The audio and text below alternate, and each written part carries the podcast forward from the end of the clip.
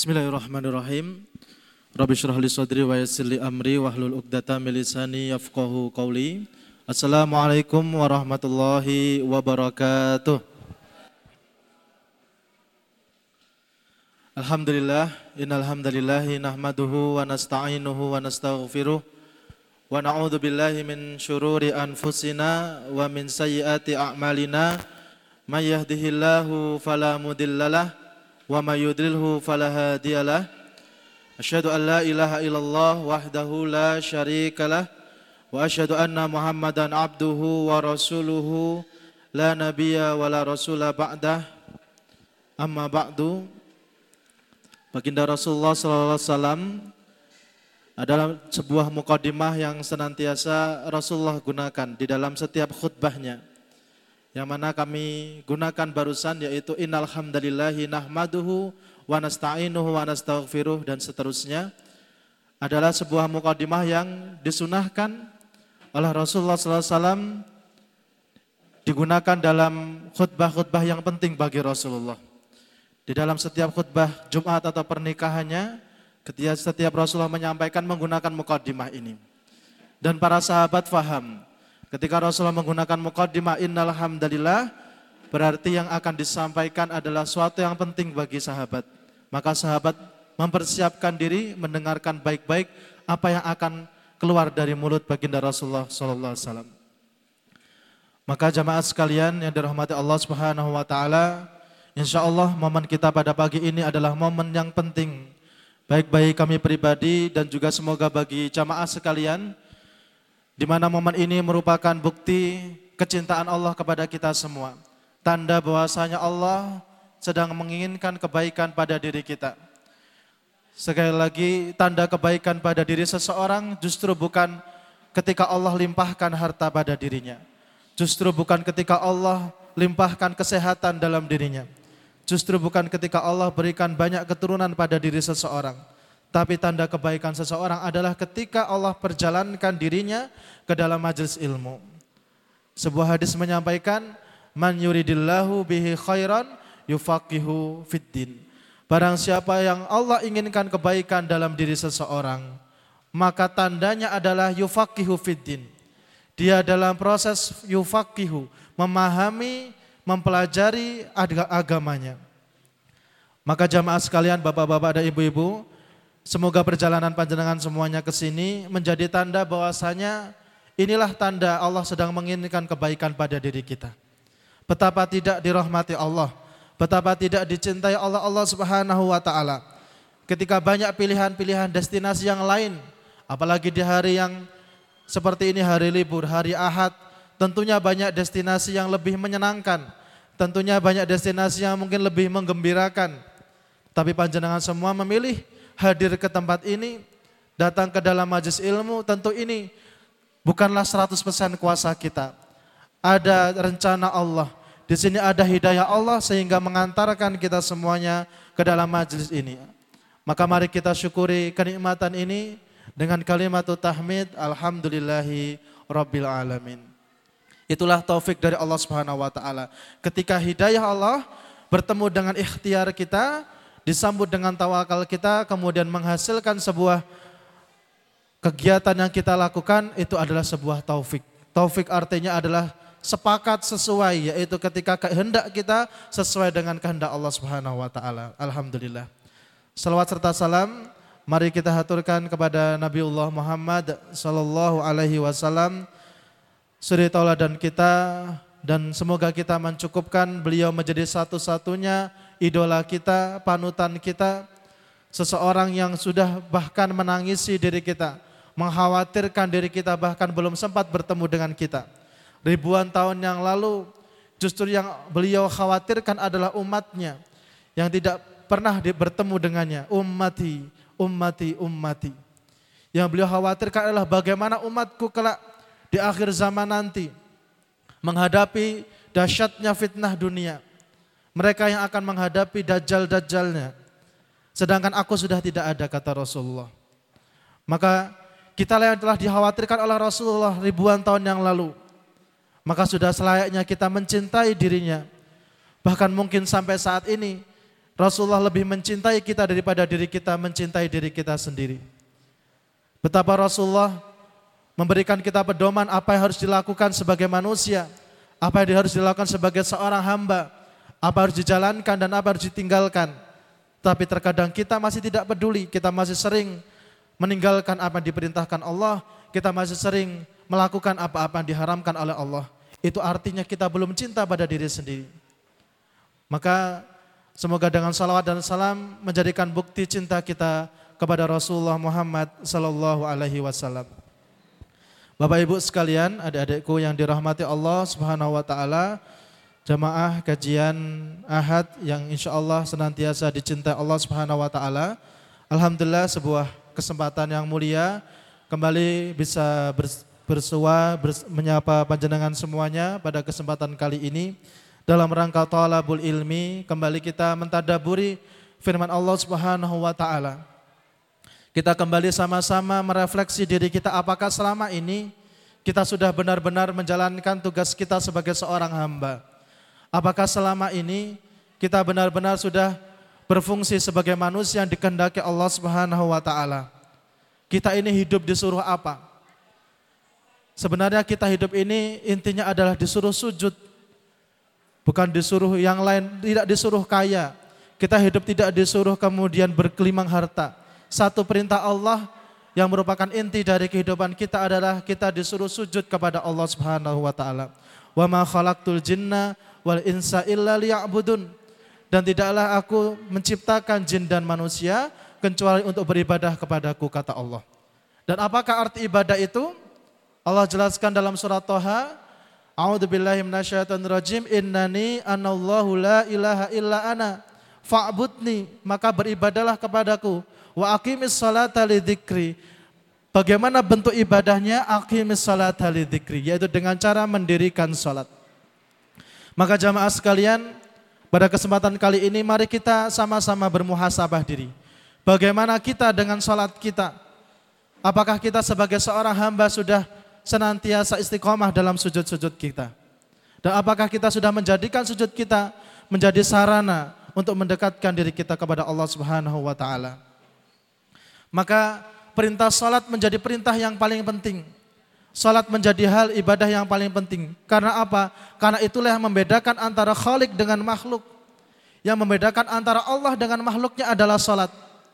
Yang membedakan antara pencipta dengan hambanya adalah salat. Maka ketika ada seorang hamba tidak mau salat, maka kata Allah dia adalah orang yang menyombongkan diri. Orang yang angkuh berarti bahkan mungkin uh, dianggap keluar dari Islam karena tidak mau mengibadai Allah Subhanahu wa taala. Maka inilah yang Allah perintahkan pula kepada nabi-nabi terdahulu. Sebuah perintah yang sama antara Nabi Adam sampai Nabi Muhammad.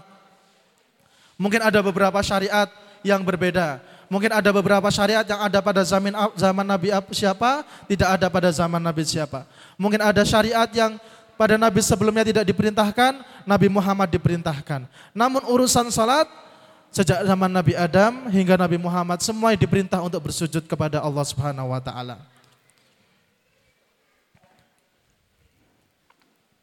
Misalnya Nabi Isa alaihi salam Allah perintahkan untuk salat, Allah perintahkan untuk sujud kepada Allah Subhanahu wa taala. Di dalam surat Maryam ayat 31 A'udzu billahi minasyaitonir rajim Bismillahirrahmanirrahim wa ja'alna mubarakan aina aina ma kuntu. Wa ausana bis salati waz zakati ma dumtu hayyan. Di dalam surat Maryam ayat 31 dijelaskan bahwasanya Nabi Isa diperintahkan untuk salat. Wa ja'alna mubarakan aina kuntu. Dan aku dijadikan terberkahi di mana pun aku berada. Wa ausana bis salati waz zakati ma dumtu kata Nabi Musa dan aku diperintahkan untuk salat dan zakat madum tuhayan selama aku masih hidup. Selanjutnya Nabi Musa pun diperintahkan untuk melaksanakan salat. Di dalam surat Toha ayat 14 yang mana mengkisahkan tentang peristiwa Nabi Musa mendapatkan wahyu pertama kali. Diperintahkan untuk Allah Allah untuk salat. Innani anallahu la ilaha illa ana fa'budni wa aqimis salata li. Kata Allah, "Innani anallahu la ilaha illa ana." Inilah wahyu pertama yang diterima oleh Nabi Musa. Sesungguhnya aku adalah Allah, la ilaha illa ana. Tidak ada Tuhan selainku, tidak ada zat yang berhak disembah selain aku kata Allah. Fa'budni, maka beribadahlah kepada aku. Wa aqimis salata li dan dirikanlah salat untuk mengingatku kata Allah kepada Nabi Musa. Nabi Ismail juga diperintahkan oleh untuk salat oleh Allah Subhanahu wa taala. Di dalam surat Maryam ayat 55. A'udzu billahi minasyaitonir rajim. Wa kana ya'muru ahlahu bis salati waz zakah. Wa kana inda rabbih mardiya. Maryam ayat 55 merupakan perintah salat yang diperintahkan Allah kepada Nabi Musa. Bahkan Nabi Ismail memerintahkan keluarganya pun untuk melaksanakan salat. Wa kana ya'muru ahlahu bis salati wa zakah. Dan sesungguhnya Nabi Ismail memerintahkan keluarganya untuk salat dan zakat. Wa kana inda rabbihi mardiya dan Nabi Ismail beserta keluarganya di sisi Rabbnya merupakan orang-orang yang mendapatkan ridho dari Allah Subhanahu wa taala. Dan nabi lainnya diperintahkan salat adalah Nabi Zakaria. Di dalam surat Ali Imran ayat 38 yang ketika itu sebuah peristiwa yang mungkin ketika kita mempelajari sirah terkenal dengan kisah Nabi Zakaria yang mana menantikan keturunan bahkan di umur yang sudah senja. Istrinya bahkan difonis merupakan wanita yang sudah monopos dan mandul. Namun Nabi Zakaria tetap bermunajat kepada Allah dalam salatnya. Hunalika da'a Zakaria rabbah. Ketika itu Nabi Zakaria berdoa di dalam salatnya kepada Tuhannya, kepada Allah Subhanahu wa taala. Qala rabbi habli min ladunka dzurriyyatan thayyibatan innaka sami'ud du'a. Ya Allah, berikanlah aku dzurriyyatan thayyibatan, keturunan yang baik, yang saleh, innaka sami'ud du'a. Sesungguhnya engkau zat yang maha mendengar doa. Dan juga nabi-nabi yang lainnya merupakan nabi yang mendapatkan syariat perintah untuk salat dari Allah Subhanahu wa taala. Maka sesungguhnya syariat ini, perintah salat ini merupakan perintah yang Allah berikan kepada seluruh nabi. Mulai dari zaman Nabi Adam hingga zaman Nabi Muhammad sallallahu alaihi wasallam. Dalilnya Allah perintahkan yaitu di dalam surat An-Nisa ayat 163. A'udzu billahi minasyaitonir rajim. Inna auhayna ilaika kama auhayna ila Nuhin wan nabiyina min ba'di wa auhayna ila Ibrahim wa Ismail wa Ishaqa wa Yaquba wal asbat wa Isa wa Ayyuba wa Yunus wa Harun wa Sulaiman wa ataina Dawuda zabura Sesungguhnya kami mewahyukan kepada Muhammad sebagaimana yang kami wahyukan kepada Nuh. Maka mengapa di sini sebagai disebutnya Nabi Nuh? Karena Nabi Nuh adalah Rasul yang pertama. Nah, yang membedakan antara Nabi dan Rasul adalah kalau Nabi itu Allah berikan wahyu bagi dirinya dan keluarganya, namun kalau Rasul diberikan kewajiban untuk menyampaikan kepada umatnya. Sedangkan Nabi yang memiliki umat pertama kali adalah Nuh alaihissalam. Ketika zaman Nabi Adam belum ada umat, karena masih hanya Nabi Adam beserta anak-anaknya saja, belum ada umat, maka yang mendapat yang memberi yang mendapatkan predikat rasul pertama kali adalah Nuh. Yang Allah wahyukan kepada Nuh sampai Muhammad itu sama. Yang Allah perintahkan dari zaman Nabi Nuh hingga zaman Nabi Muhammad dan nabi-nabi yang lainnya itu semuanya sama. Inna law inna auhayna ilaika kama auhayna ila nuhin. Sesungguhnya aku wahyukan kepadamu Muhammad itu sama dengan aku wahyukan kepada Nuh dan nabi-nabi setelahnya. Dan yang dimaksud di sini adalah perintah untuk bersujud kepada Allah Subhanahu wa taala, perintah untuk melaksanakan sholat. Maka sesungguhnya ibadah yang mana dimaknai sebuah sholat, yang dimaknai sebuah sujud kepada Allah Subhanahu wa taala ini dilaksanakan oleh dari zaman Nabi Nuh, dari zaman Nabi Adam hingga nabi-nabi setelahnya. Dan ini adalah perintah yang mana hingga kita saat ini semuanya. Maka jamaah sekalian, Bapak Ibu rahimakumullah. Di sini risalah Nabi Muhammad sallallahu alaihi wasallam kemudian sampai pada diri kita menghasilkan perintah berupa salat pada lima waktunya. Allah sudah memboking waktu kita Islam. Allah sudah menentukan waktu kita, Allah sudah simpan waktu kita minimal sehari lima kali untuk menghadap Allah Subhanahu wa taala. Dan begitu pasnya Allah mengatur waktu itu dari pagi. Kemudian diuji keimanan apakah masih ada keimanan dalam dirinya. Bertemu duhur. Duhur kemudian diuji lagi apakah ada keimanan dalam dirinya. Bertemu dengan asar. Dan seterusnya asar bertemu dengan maghrib. Maghrib bertemu dengan isya. Karena sejatinya mengingat Allah atau salat ini adalah menguji apakah ada keimanan dalam diri seseorang. Karena tanda keimanan dalam diri seseorang adalah ketika dia menyambut panggilan Allah Subhanahu wa taala. Ketika masih bergetar hatinya ketika mendengar panggilan Allah Subhanahu wa taala. Di dalam surat Al-Anfal ayat kedua Allah berfirman, "A'udzubillahi minasyaitonirrajim. Innamal mu'minuna alladzina idza dzukirallahu wajilat qulubuhum Wa idza tuliyat alaihim ayatuhu zadathum imana. Wa 'alallahi yatawakkalun dan sesungguhnya di antara tanda-tanda keimanan seseorang innamal mu'minun alladzi sesungguhnya orang yang beriman itu adalah idza dzukirallahu wajilat qulubuhum ketika disebutkan nama Allah bergetar hatinya. Wa idza tuliyat alaihim ayatuhu zadatum imana. Ketika dibacakan firman Allah, maka bertambahlah keimanannya. Maka bagaimana Allah menguji hambanya apakah masih ada getaran iman dalam hatinya, maka ada sholat lima waktu dalam sehari dalam kehidupan kita. Ketika subuh diuji, Allahu Akbar, Allahu Akbar, minimal ketika ada tanda keimanan, sudah azan. Waktunya sholat.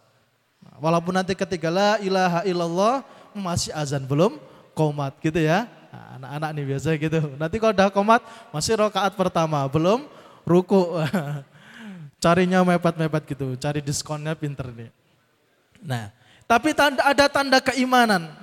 Nah, tanda keimanan nanti ketika duhur diuji lagi, Allahu Akbar, Allahu Akbar. Nah, diperbarui lagi, apakah masih ada getaran iman dalam hati kita. Maka sesungguhnya sholat ini adalah tanda keimanan seseorang. Sujud itu adalah tanda keimanan seseorang. Ketika Allah panggil diri kita masih bergetar hati kita, bahkan kita berangkat menghadap Allah Subhanahu wa taala, bahkan di awal waktu, bahkan kita menunggu itu, maka itulah kualitas keimanan seseorang. Selain itu, Allah memberikan salat bukan hanya sebagai tanda keimanan seseorang. Allah juga menjadikan salat menjadi satu-satunya perantara menjadi ibadah satu-satunya yang menjadi wasilah untuk memohon segala kebutuhan kita. Untuk meminta pertolongan dari Allah Subhanahu wa taala. Yang mana Allah sampaikan dalam firman-Nya surat Al-Baqarah ayat 45, A'udzu billahi minasyaitonir rajim. Wasta'inu bis sabri was salah. Wa innaha lakabiratun illa 'alal khashiin. Wasta'inu bis sabri was salah dan mohonlah pertolongan kepada Allah bisabri wassalah dengan sabar dan juga salat. Wa innaha lakabiratun illa alal khasyin. Sesungguhnya salat itu sungguh berat kecuali bagi orang-orang yang khusyuk. Kalau kita lihat Bapak Ibu sekalian, ayat ini sungguh indah ketika kita lihat, kita maknai dalam segi bahasanya. Belum memerintahkan salat, Allah sudah minta hambanya untuk memohon pertolongan dari Allah diawali dengan kalimat wasta'inu. Minta, kamu itu minta sama aku. Kamu itu butuh apa? Kamu itu mau apa? Ini belum masuk sober, belum masuk salah. Belum apa-apa di awal Allah sudah, kamu butuh apa? Ada masalah apa kamu datang kepadaku? Wasta'inu, mohonlah pertolongan kepadaku. Kemudian bisabri. Nah, nanti kalau punya masalah, belum sholat juga nih. Hadapi dulu dengan sabar. Kenapa kita hadapi dengan sabar? Karena setiap yang Allah berikan kepada diri kita pasti kita mampu menghadapinya. Karena apa yang Allah berikan kepada kita berupa ujian, pasti kita bisa melaluinya. Dalam surah Al-Baqarah ayat 286 Allah berfirman, yang intinya adalah yukallifullahu nafsan illa wus'aha. Sesungguhnya Allah tidak membebani kepada, seseorang sebuah masalah, sebuah ujian illa wus'aha kecuali dia mampu menghadapinya. Baru yang ketiga, ketika dia sudah menerima ujian dari Allah, baru dirikanlah sholat. Maka insya Allah ketika mendirikan sholat, hadir solusi-solusi yang diinginkan. Kalau bahasanya kiai kita, Kiai Umar sering membahasakan adalah sabar sampai sholat. Mungkin yang rutin mengikuti kajian sudah sering juga dibahas ayat ini yaitu ketika mendapat masalah sabar sampai sholat. Namun kalau kita rincikan satu persatu sebenarnya maha murahnya Allah belum sholat saja sudah diminta. Wasta'inu, kamu tuh mohon minta dulu. Mohonlah pertolongan kepadaku. Bisobri, kemudian sabarlah kamu menghadapi ujian yang aku berikan. Wasalah, kemudian dirikanlah sholat. Maka kalau perintahnya adalah wasta'inu, mohonlah pertolongan, mintalah bantuan. Kamu ingin apa, mohonlah kepadaku. Maka kita sebagai hamba meminta. Bahasa Arabnya adalah nasta'inu. Kalau kita minta, kita mohon pertolongan, bahasa Arabnya adalah nasta'i, nasti'inu. Kira-kira ada di surat apa nasta'inu itu? Ada surat apa? Ada surat apa? Al-Fatihah. Ada dalam sholat kita ternyata. Maka kalimat nasta'inu itu sesungguhnya sudah kita lafatkan sehari minimal 17 kali mungkin. Kalau misalkan kita melaksanakan sholat fardunya saja. Maka cara ketika kita menghadapi masalah yaitu dengan sholat yang pertama adalah kita mohon pertolongan dengan kepada Allah Subhanahu wa taala. Nasta'inu yang mana Allah firmankan dalam surah Al-Fatihah, "Iya karena budu wa iya karena stain." Hanya kepadamu kami na'budu. Kami itu beribadah. Tadi artinya ibadah apa Bapak Ibu sekalian? Salat.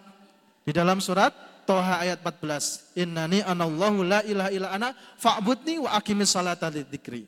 Kalau ibadah itu artinya so, salat. Iya kan abudu ya Allah, saya sudah ibadah ini sesuai yang engkau perintahkan.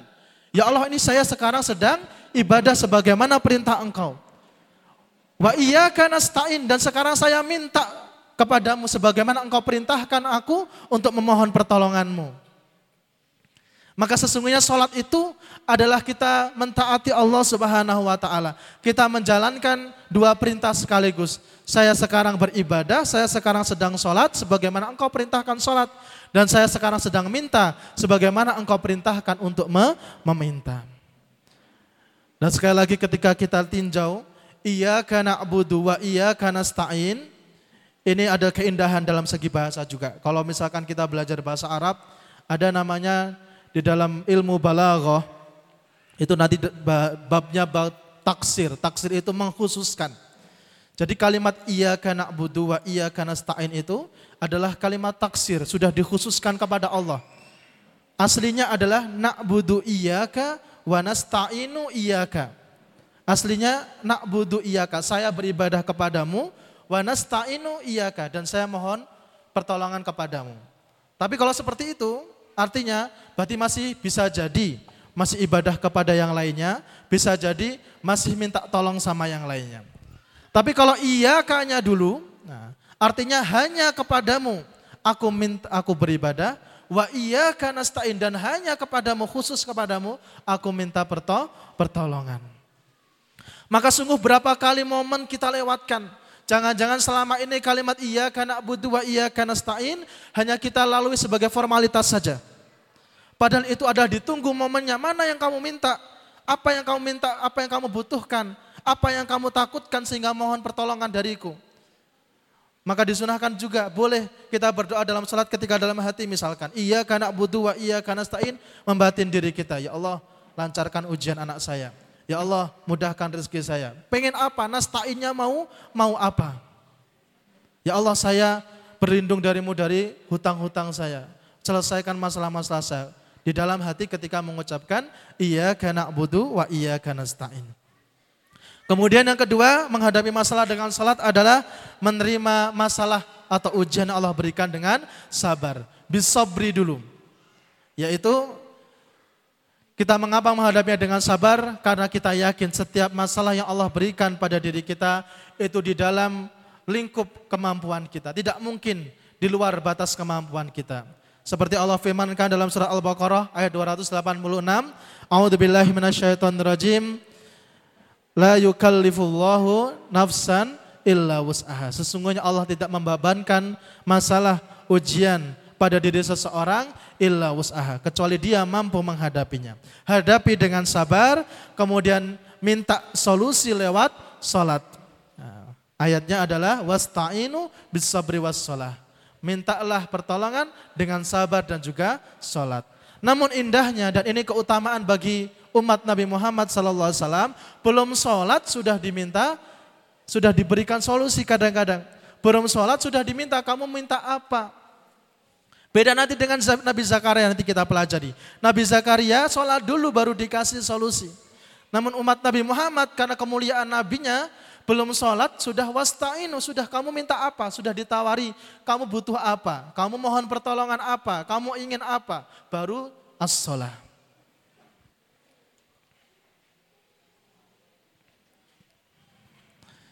Maka jamaah sekalian, kita ketika memaknai seperti ini, sesungguhnya momen sholat adalah momen di mana Allah ingin menolong kita. Momen di mana kita menghamba kepada Allah Subhanahu wa taala. Ibarat seorang budak maka dia menghadap tuannya ingin apa, butuh apa. Maka kita seorang hamba Tuhan kita adalah Allah Subhanahu wa taala. Maka dalam salat itu ada sebuah perjanjian antara Rob dengan hambanya. Maka sebuah hadis, hadis kutsi, hadis yang sahih, hadis kutsi mengatakan kalau hadis kutsi itu hadis tapi redaksinya dari Allah Subhanahu wa taala tapi kalimatnya dari Muhammad Nabi Muhammad SAW. Kalau Al-Quran itu redaksi isi makna dan kalimatnya itu dari Allah semua. Kalau hadis kutsi, Allah yang ingin menyampaikan cuma melalui kalimat-kalimat yang disampaikan oleh Nabi Muhammad SAW. Di dalam sebuah hadis kutsi yang sahih, menjelaskan, menjabarkan tentang isi surat Al-Fatihah. Kemudian di tengah-tengahnya disampaikan, Fa'idha qala al-abdu Iyyaka na'budu wa iyyaka nasta'in. Qala hadha baini wa baina abdi. Wali abdi ma sa'ala. Ketika seorang hamba di dalam salatnya membaca iyyaka na'budu wa iyyaka nasta'in, hanya kepadamulah aku beribadah. Hanya kepadamulah aku salat, hanya kepadamulah aku bersujud. Wa iyyaka nasta'in dan hanya kepadamulah aku memohon pertolongan. Hanya kepadamulah aku memohon bantuan. Hanya kepadamulah aku menginginkan segala apa yang aku butuhkan. Kala kata Allah, hadza baini wa baina abdi. Maka ketika sampai ayat itu, hadza baini wa baina abdi. Ini adalah perjanjian antara aku dengan hambaku. Wali abdi masalah. Apa perjanjiannya? Wali abdi masalah. Bagi hambaku apa pun yang dia minta. Inilah perjanjian Allah dengan hambanya yang ada dalam salat-salat kita. Yang senantiasa tidak luput dari salat kita. Karena Al-Fatihah merupakan rukun yang harus dibaca dalam salat. Maka ketika mengucapkan iya karena budu wa iya karena stain, kita batin dalam hati kita. Kita mohon pertolongan apa dari Allah Subhanahu wa taala. Kita inginkan apa dari Allah Subhanahu wa taala? Apa yang kita hajatkan? Apa yang kita takutkan dalam kehidupan ini?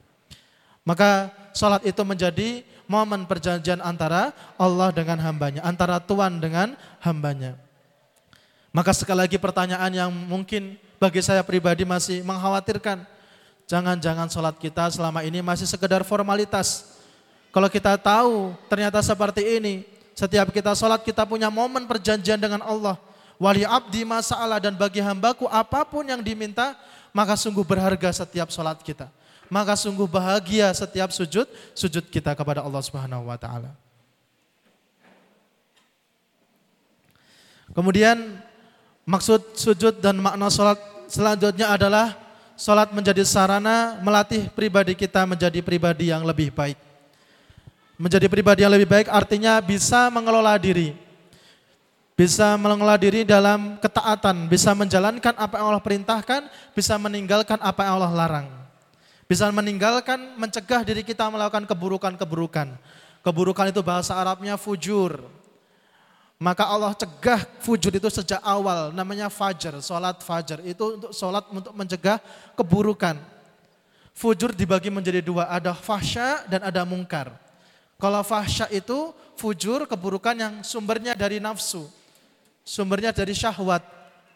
Kalau mungkar itu keburukan yang sumbernya itu sebenarnya kita ingkari dalam hati. Kita menerima suap, itu sebenarnya hati kita itu menolak. Nah, tapi hati kita aslinya ingkar, tapi tetap kita lakukan. Maka kita mengingkari kata hati kita, itu mungkar. Kalau kalau fahsya itu yang bersumbernya dari nafsu kita, dari syahwat kita. Maka bagaimana mencegah fahsya dan mungkar itu yaitu adalah caranya dengan salat. Sebagaimana Allah berfirman di dalam surat Al-Ankabut ayat 45, A'udzubillahi minasyaitonirrajim. Utslu ma uhiya ilaika minal kitabi wa aqimis salata wa aqimis salata inna salata tanha 'anil fahsya'i wal munkar wala dzikrullahi akbar wallahu ya'lamu ma tasnaun. Inna salata tanha 'anil fahsya'i wal munkar. Inna salata sesungguhnya salat adalah hal yang bisa tanha anil fasya'i wal munkar yang bisa mencegah dari kemungkar dari fasya keburukan-keburukan yang disumbernya adalah syahwat dan juga nafsu wal munkar dan keburukan-keburukan yang sejatinya kita ingkari. Dan kalau kita lihat as-shalah di sini menggunakan alif lam, berarti ini kalimat as-shalah salat yang khusus, bukan inna salatan atau kalau tidak menggunakan alif lam itu sholatnya sholat umum. Jadi sudah sekedar sholat saja yang penting sudah sholat itu pasti bisa tanha anil fasyai wal mungkar. Tapi sholat di sini sholat yang bagaimana? Inna sholata. Sholat yang ada alif lamnya berarti yang dikerjakan tadi. Dengan kita tahu bahwa sholat itu adalah momen kita dengan Allah Subhanahu wa taala, adalah bentuk perjanjian kita dengan Allah Subhanahu wa taala. La kabiratun illa alal khasyin, salat yang hanya dilakukan oleh orang-orang yang khusyuk. Maka ketika sudah sholat kok masih bisa orang sholat habis sholat kok malah jangankan mencegah dari perbuatan fasya dan mungkar, baru keluar sholat, sandal sudah hilang. Berarti bukan sholatnya, bukan bukan sholat yang salah, orangnya berarti belum as -sholah, belum mengerjakan sholat dengan benar. Kalau sholatnya sudah dilakukan dengan benar, dia maknai, dia hayati sebuah momen di mana dia minta pertolongan sama Allah. Sebuah momen di mana dia menjalankan perintah Allah sebuah momen di mana dia menghamba kepada Allah Subhanahu wa taala, maka salat seperti itulah yang bisa mencegah dari fahsya'i wal wal munkar. Kemudian selanjutnya selain sholat tadi yang pertama di antara manfaat sholat adalah momen perjanjian antara Rob dengan hambanya. Yang kedua sholat adalah menjadi satu-satunya perantara Allah mengabulkan hajat-hajat kita. Kemudian sholat adalah perantara yang bisa memperbaiki pribadi kita. Selanjutnya, salat adalah hal yang bisa menghadirkan ketenangan jiwa. Dalilnya Allah berfirman dalam surat Ar-Ra'd ayat 28. A'udzu billahi minasyaitonir rajim. Alladzina amanu wa tatma'innu qulubuhum bidzikrillah. Ala bidzikrillah tatma'innul qulub. Dan alladzina amanu wa tatma'innu qulubuhum yaitu orang-orang yang beriman dan mereka yang menjadi tentram dengan mengingat Allah Subhanahu wa taala ala bidzikrillahi tatmainnul qulub dan ketahuilah sesungguhnya hanya dengan mengingat Allah lah hati bisa menjadi tenang. Apa saja kira-kira yang termasuk zikrullah? Mengingat Allah. Al-Quran adalah zikir. Maka membaca Quran adalah salah satu cara mengingat Allah. Bahkan Al-Quran itu sendiri disebut sebagai zikir. Dalam surat Al-Hijr ayat 9, Inna nahnu nazalna zikra wa inna lahu laha lahafidun. Sesungguhnya aku yang telah menurunkan al-zikra yaitu Al-Quran wa inna lahu lahafidun. Dan aku yang akan menjaga Al-Quran dan juga orang-orang yang menjaga Al-Quran. Maka Quran adalah zikir. Membaca Quran termasuk amalan zikir. Doa adalah zikir di dalam surat Al-A'raf ayat 205. Kalimat tayyibah subhanallah, alhamdulillah, wala ilaha illallah, Allahu akbar, astaghfirullah adalah zikir. Quran surah An-Nisa ayat 103. Dan puncaknya salat itu adalah puncaknya zikir. Kenapa? Karena di salat ada bacaan Quran. Di salat ada doa. Dan di salat ada kalimah toyi, toyibah. Maka salat adalah puncaknya zikir. Dan salat adalah untuk mengingat Allah. Seperti Allah firmankan dalam Quran surah Toha ayat 14. Inna Innani anallahu la ilaha illa ana fa'budni wa aqimis salata li dzikri. Dirikanlah salat li dzikri untuk mengingatku kata Allah. Maka salat adalah momen zikrullah. Bahkan salat adalah puncaknya zikrullah. Karena di dalam salat ada Quran, karena di dalam salat ada doa, dan di dalam salat ada kalimat thayyibah. Maka salat menjadi perantara kita menghadirkan ketenangan jiwa. Dan sesungguhnya hadirnya ketenangan jiwa hanyalah dengan cara mengingat Allah Subhanahu wa taala. Maka ini mungkin yang banyak sekali sampai titik ini banyak yang buntu. Dikiranya ketenangan jiwa atau kebahagiaan dicari lewat harta, sudah berkelimang harta, tidak ketemu juga dengan ketenangan jiwa. Dikiranya tenang jiwanya, bahagia ketika sudah menduduki posisi tertinggi dalam sebuah kekuasaan, sudah sampai posisi tertinggi, tidak ketemu juga dengan ketenangan, ketenangan jiwa. Dikiranya ketenangan jiwa dengan ketampanan, dipuja-puja banyak orang, bukan justru makin tenang, hidupnya makin terkungkung di mana-mana dikenal orang, dicari dan seterusnya. Tidak ketemu juga dengan ketenangan, tidak ketemu dengan kebahagiaan maka sesungguhnya kebahagiaan sudah Allah berikan. Jawabannya itu dengan ala bidzikrillahi tatmainnul qulub. Sesungguhnya hanya dengan mengingat Allah lah hati itu menjadi tenang. Hanya dengan mengingat Allah lah hati itu menjadi tentram. Bagaimana cara mengingat Allah? Membaca Quran, membaca doa, membaca kalimat thayyibah dan puncaknya adalah melaksanakan sholat, mendirikan sholat. Maka kebahagiaan itu sesungguhnya adalah ketika kita mampu sujud kepada Rob kita, kepada Allah Subhanahu wa taala.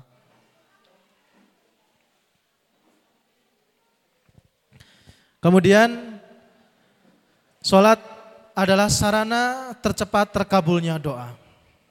Kami ambil sebuah kisah yaitu kisah Nabi Zakaria alaihissalam ketika di umurnya yang sudah tua belum juga diberikan keturunan dan beliau memang ujiannya adalah ujian berupa keturunan. Kalau kita mengeluh banyak diuji, kita lihat nabi-nabi kita terdahulu. Semua nabi pasti punya ujian. Dan ujian para nabi itu sekarang kita lihat kalau ujiannya sakit, ada lebih parah sakitnya Nabi Ayub. Ujian berupa keturunan, belum juga diberi keturunan, ada juga nabi yang diberikan ujian berupa belum diberi keturunan. Bahkan sampai umur tuanya yaitu Nabi Zakaria alaihissalam. Bahkan mengeluh, bahkan apa? Mengadu kepada kepada Allah Subhanahu wa taala.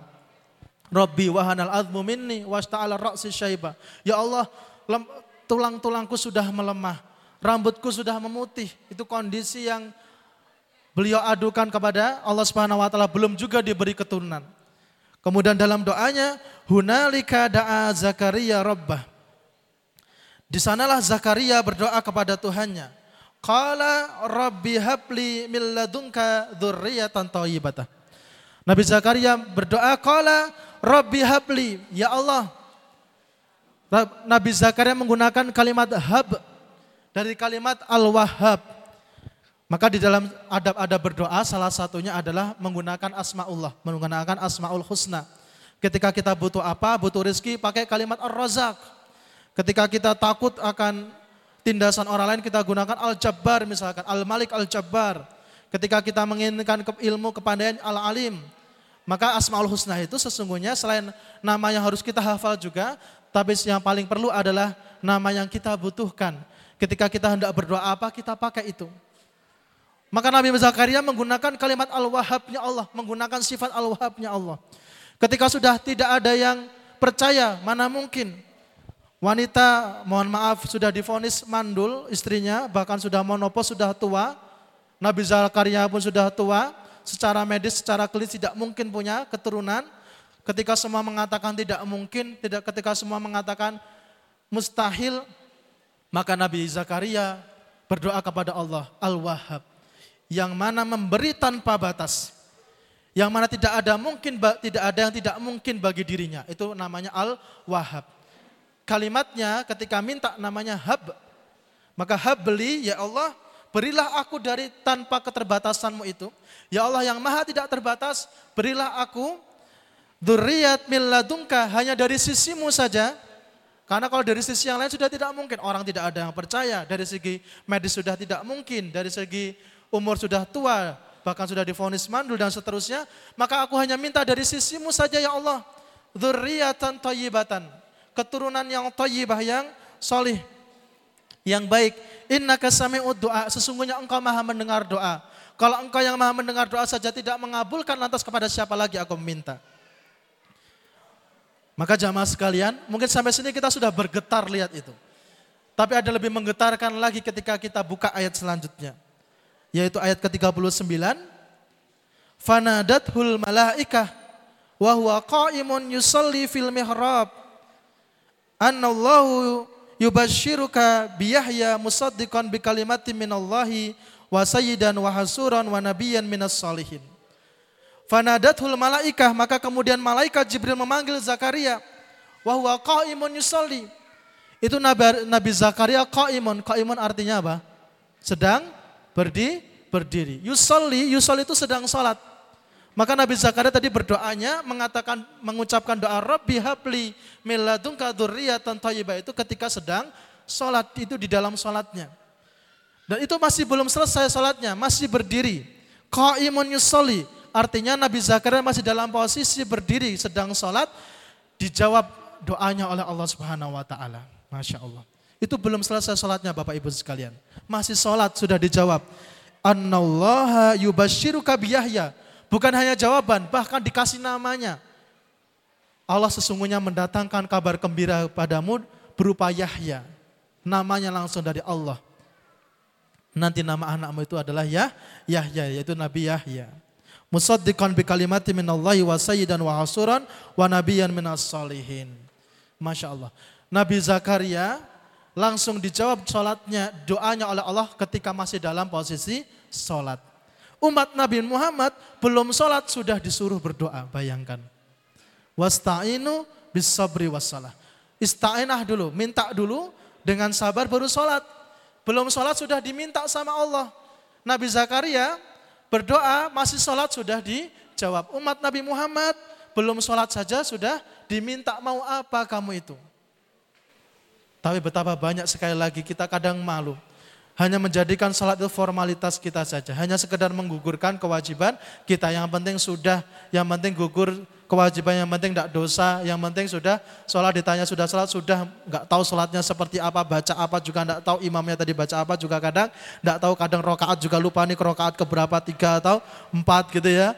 Yang penting salam semangat assalamualaikum semua. Nah, padahal kita punya keistimewaan. Belum sholat saja sudah diminta tadi oleh Allah mau apa, butuh apa. Dan itu kita minta sama Allah setiap sholat kita. Iya karena budu wa iya karena stain. Nabi Zakaria yang punya masalah sedemikian rupa yang orang mengatakan mustahil semuanya. Tidak ada yang mengatakan masih mungkin. Tapi Nabi, Nabi Zakaria percaya. Dengan keyakinannya itulah Allah jawab bahkan ketika masih berdiri dalam sholatnya. Wahuwa qaimun yusolli. Masih berdiri di dalam salatnya, Allah jawab, Allah jawab fil mihrab ketika dalam mihrab, anallaha yubasyiruka biyahya. Allah memberikan kabar gembira kepadamu berupa Yahya. Masya Allah. Kemudian, ini mungkin yang diinginkan banyak orang. Banyak yang sholat itu, nah, sholat duha, tujuannya kadang supaya lancar rezekinya. Kemudian sholat apalagi tahajud biar dihapuskan dosa-dosanya. Kemudian sholat fajar misalkan sholat dua rakaat sebelum subuh supaya dapat keutamaan lebih baik dari dunia dan seisinya. Kadang kita masih transaksional ketika sholat. Boleh saja sebenarnya. Kenapa? Kita boleh saja berharap hal seperti itu kepada Allah. Kalau kita tidak berharap hal seperti itu kepada Allah, lantas pada siapa lagi kita berharap? Nah, maka di antara tujuan sholat, di antara maksud kita sholat, maksud kita bersujud kepada Allah Subhanahu Wa Taala adalah mempercepat kesuksesan dan menghadirkan kebahagiaan. Bapak Ibu sekalian, sukses dan bahagia itu bahasa Arabnya adalah aflaha, falah. Sukses, bahagia itu bahasa Arabnya adalah falah. Maka hayya alal falah, ayo kita menjemput kesuksesan, ayo kita menjemput kebahagiaan. Ayo sholat maksudnya. Nah, falah itu ternyata hanya dimiliki oleh orang-orang yang sholat. Maka kita lihat di dalam surah Al-Mu'minun ayat 1 sampai 2, qad aflahal mu'minun. Sungguh beruntung orang-orang yang beriman. Sungguh sukses dan bahagia orang-orang yang beriman. Siapa itu orang yang beriman? Siapa itu orang yang sukses dan bahagia? Alladzina hum fi salatihim khasyiun. Yang pertama adalah alladzina hum fi salatihim khasyiun. Yang mereka khusyuk, yang mereka senantiasa melaksanakan salat dengan khusyuk. Maka kunci kesuksesan dan kebahagiaan seseorang adalah dengan salat. Pintu-pintu rezeki di antara adalah dengan melaksanakan salat. Tapi justru ketika kita khusyuk dalam salat kita, ada fakta lain yang justru malah mengejutkan bagi diri kita. Mungkin awalnya kita sholat untuk memperluas rezeki. Mungkin awalnya kita sholat untuk mendatangkan rezeki. Tapi ketika kita sholat justru yang kita dapatkan adalah sholat itulah rizkinya.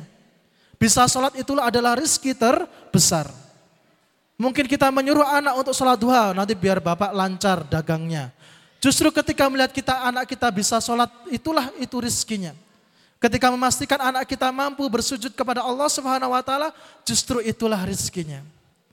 Maka rizkinya adalah ketika kita mampu menjalankan tugas utama kita sebagai seorang hamba, yaitu kita bersujud kepada Allah Subhanahu wa taala. Maka aflaha kebahagiaan, kesuksesan, keberuntungan justru didapatkan oleh orang-orang yang melaksanakan sholat. Bukan karena sholatnya kemudian dia mendapatkan apa, janji apa, keluasan rezeki apa, ke, kemudian kebahagiaan apa. Justru sholatnya itu sendiri itulah rezekinya. Maka ini ketika kita sudah mencukupkan diri dengan diri dengan hal itu, betapa ringannya, betapa sederhananya hidup kita. Maka kebahagiaan terbesar seorang tua, seorang orang tua adalah ketika mampu memastikan anak-anaknya mampu bersujud kepada Allah Subhanahu wa taala. Ketika mampu melihat anak-anaknya senantiasa mengibadah Allah Subhanahu wa taala. Dan kebalikannya, kesedihan, kesengsaraan seorang tua adalah ketika melihat kelak anaknya justru kelak seperti tidak mengenal Allah Subhanahu wa taala, meninggalkan salat. Ketika melihat anaknya jauh dari agamanya. Maka sering sekali mungkin bapak-bapak ibu sekalian ketika memondokkan memasukkan anaknya ke pesantren, ada yang merasa berat, ada yang merasa kemudian berpisah dengan anaknya bahkan sampai menangis karena berpisah dengan anaknya. Tapi itu justru lebih baik Bapak Ibu sekalian. Lebih baik kita menangis sekarang, berpisah sejenak dengan anak-anak kita daripada kita kelak menangis gara-gara kita tahu anak kita jauh dari agama. Daripada kita kelak menangis gara-gara lihat anak kita tidak mampu sholat, tidak bisa sujud kepada Allah Subhanahu wa taala, melupakan Tuhannya. Maka justru sholat itulah kebahagiaannya. Maka justru sujud itulah kebahagiaan hakiki seorang manusia. Karena sejatinya kita adalah seorang hamba yang mendapatkan perintah untuk mengibadai Allah Subhanahu wa taala. Wa ma khalaqtul jinna wal insa illa liya'budun. Alhamdulillah Oh, sudah selesai. Bapak Ibu sekalian yang dirahmati Allah Subhanahu wa taala, maka di sini Semoga kita bisa mentadaburi ayat-ayat Allah tadi yang begitu banyaknya menyadarkan diri kita tentang esensi kita sebagai seorang hamba, tentang mak maksud dari sebuah sujud yang kita lakukan mungkin sehari sebuah amalan yang mungkin sudah terbiasa. Kalau dikatakan mungkin gerakan kita sudah hafal mungkin untuk sholat itu. Tapi apa yang kita hadirkan dalam hati kita ketika menghadap Allah Subhanahu wa taala menjadikan momentum itu momentum yang begitu sakral, kita tunggu-tunggu dan Allah sangat menunggu kita, kamu itu mau, apa, minta apa. Datanglah kepadaku. Maka Allah sudah menunggu kita lima kali minimal dalam sehari. Allah sudah minta waktu kita mungkin nggak lebih dari lima menit ketika kita sholat itu. Sehari sudah Allah bagi dengan sempurna lima kali bertemu denganku minimal kalau kamu begitu sibuknya dengan dunia, minimal lima hari, lima kali kamu ketemu denganku, kata Allah. Maka sama-sama pertanyaan besar, khususnya bagi kami pribadi. Justru ketika menyampaikan ini, kami sendiri yang merinding itu. Kami sendiri yang kadang takut, jangan-jangan kami menyampaikan apa yang selama ini kami hilaf darinya. Jangan-jangan kami menyampaikan apa yang selama ini kami masih sering lalai darinya. Mana tadi sholat itu merupakan perintah kepada seluruh nabi dan rasul merupakan perintah utama kepada seluruh umat manusia, menjadi tanda seorang hamba, menjadi tanda keimanan seorang manusia. Ketika Allah panggil lima kali dalam seharinya, apakah kemudian bergetar keimanan dalam dirinya? Dipanggil lagi, bergetar atau tidak? Dipanggil lagi, bergetar atau tidak? Allah senantiasa begitu sayangnya menjaga keimanan kita. Allah kumandangkan syariat azan di dalam seharinya lima kali. Apakah ketika telinga kita mendengarnya bergetar hati kita sebagai tanda keimanan dalam diri kita? Allah siapkan perjanjian di dalamnya. Idza qala al-'abdu iyyaka na'budu wa iyyaka nasta'in fahada baini wa abaina abdi. Masya Allah. Itu kalimat yang dari seorang tuan bayangkan. Ada seorang majikan mengatakan kepada karyawannya, ini sekarang urusanku sama kamu. Nah, ini khusus sekali berarti. Itu kan hadza baini wa baina abdi. Sekarang ini perjanjianku denganmu. Ini sekarang urusanku sama dirimu. Nah, itu bayangkan terus ada majikan ke karyawannya seperti aja itu karyawannya sudah harusan derdek gitu ya. Ini bukan hanya majikan. Ini Malikul Mulki. Rajanya para raja mengatakan kepada manusia yang mungkin kita apalah kita. Ini sekarang urusanku sama kamu. Wali abdi masalah apa pun yang kamu minta sampaikan. Mungkin kita punya bos, mungkin kita kerja sama orang terkaya itu, dibilang kayak gitu aja, kamu mau apa sini, tak kasih. Kita begitu percayanya, betul nggak? Wah ini nggak pasti kita nggak mungkin minta yang remeh-remeh kan? Orang dia punya harta banyak sekali, wah mau HP itu pasti nyebut merek yang tertinggi, mau mobil itu nggak cuma satu dua kan gitu ya. Itu sama manusia. Ini Allah Subhanahu wa taala hada baini wa bain abdi wali abdi masalah. Bagimu apa pun yang yang kamu minta. Maka ketika kita di dalam salat kita iya karena budu wa iya karena stain sampaikan hajat-hajat kita. Bahkan di dalam sujud ada, ada ada sebuah hadis menyampaikan juga wa akrabu wa akrabu bainal abdi wa rabbihi wa huwa sajidun. Sesungguhnya posisi terdekat antara hamba dengan Tuhannya, dengan Robnya adalah posisi bersujud. Mungkin sujud itu kening kita, kepala kita menempel ke bumi. Tapi sesungguhnya diri kita sedang ke langit karena posisi terdekat seorang manusia dengan Allah Subhanahu wa taala adalah ketika sedang bersujud. Maka ketika sujud pun disunahkan untuk memperbanyak doa. Maka jamaah sekalian, mari kita jadikan momen sholat ini bukan sekedar formalitas, tapi kita menjadikan momentum yang betul-betul kita tunggu. Menjadikan momentum benar-benar menjadi momen kita bersama Allah Subhanahu wa taala. Karena sering kali sering kali di luar salat kita melupakan Allah Subhanahu wa taala. Seringkali ketika selesai salam sudah kita sibuk dengan urusan-urusan kita. Atau naudzubillah, bahkan sering kali ketika sedang sholat saja kita masih sering sibuk dengan dunia kita, mikirkan apa, nanti mau apa, hutangnya berapa, nanti ini warungnya siapa yang jaga. Itu kadang malah banyak hadirnya ketika sholat, gitu. Betul nama betul nih. Nah, ini berarti mas ada masalah dengan diri kita. Dan semoga salat kita benar-benar menjadi momentum yang menghadirkan ketenangan jiwa, menjadi momentum yang mempercepat doa-doa kita dan juga menjadi kunci kesuksesan serta kebahagiaan kita. Mungkin ini yang kami sampaikan Bapak Ibu sekalian pada forum kali ini, pada kajian bersama pada pagi hari ini.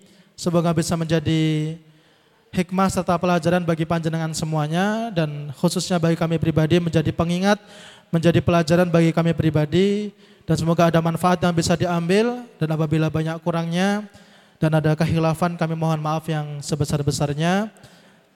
Tadi oleh MC sudah diserahkan uh, penutupannya, maka mari kita tutup momen ini dengan doa bersama-sama melangitkan kebutuhan-kebutuhan kita kepada Allah Subhanahu wa taala. Kita meminta sekali lagi kepada Allah Subhanahu wa taala agar senantiasa dibimbing di dalam kebaikan, senantiasa diberikan langkah, diarahkan kepada ketaatan, dan menjadikan kehidupan ini menjadi sarana untuk mendekatkan diri kepada Allah Subhanahu wa taala. A'udzubillahi minasyaitonirrajim. Bismillahirrahmanirrahim. Alhamdulillahirabbil alamin. Hamdan na'imin, hamdan syakirin, hamdan yuwafi ni'mahu wa yukafi mazidah. Ya Rabbana lakal hamdu kama yanbaghi لجلال وجهك الكريم وعظيم سلطانك اللهم إنا نسألك سلامة في الدين وعافية في الجسد وزيادة في العلم وبركة في الرزق وتوبة قبل الموت ورحمة عند الموت ومغفرة بعد الموت اللهم هون علينا في سكرات الموت والنجاة من النار والعفو عند الحساب اللهم إني أعوذ بك من العجز والكسل Najubni jubni wal bukhli wa a'udzu bika min ghalabatid daini wa qahri rijal Allahumma inni as'aluka min khairi kullihi ajilihi wa ajilihi. Ma alimtu minhu wa ma lam a'lam. Wa a'udzu bika min syarri kullihi ajilihi wa ajilihi. Ma alimtu minhu wa ma lam a'lam.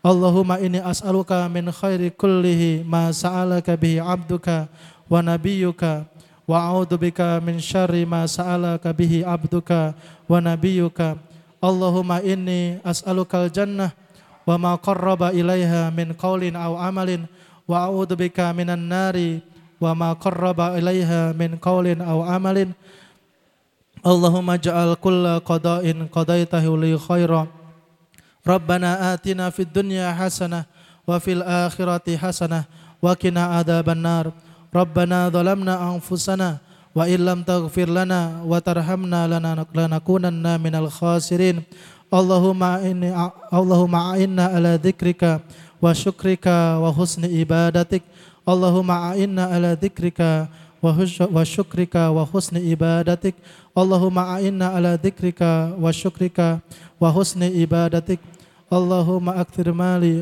وولدي وبارك لي فيما أعطيتني wa atil hayati ala ta'atik wa ahsin amali waghfir li Rabbana dhalamna anfusana wa illam taghfir lana wa tarhamna lanakunanna minal khasirin Rabbana la tu'akhidna in nasina aw akhtana wa la tahmil alaina isran kama hamaltahu alal ladina min qablina Rabbana wa la tuhammilna ma la taqata lana bih wa'fu anna warhamna anta, anta maulana وانصرنا على القوم الكافرين سبحان ربك رب العزة عما يصفون وسلام على المرسلين والحمد لله رب العالمين الفاتحة أعوذ بالله من الشيطان الرجيم بسم الله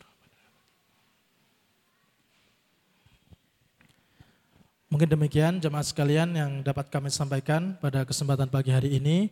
Sekali lagi kami memohon maaf dan mengucapkan terima kasih atas rawuh panjenengan semuanya. Semoga menjadi tanda di antara tanda-tanda kebaikan yang Allah berikan pada diri kita pada pagi ini dan semoga Allah istiqomahkan diri kita dalam ketaatan dan kebaikan. Syukran Allah husni ihtimamikum billahi taufiq wal hidayah. Wassalamualaikum warahmatullahi wabarakatuh.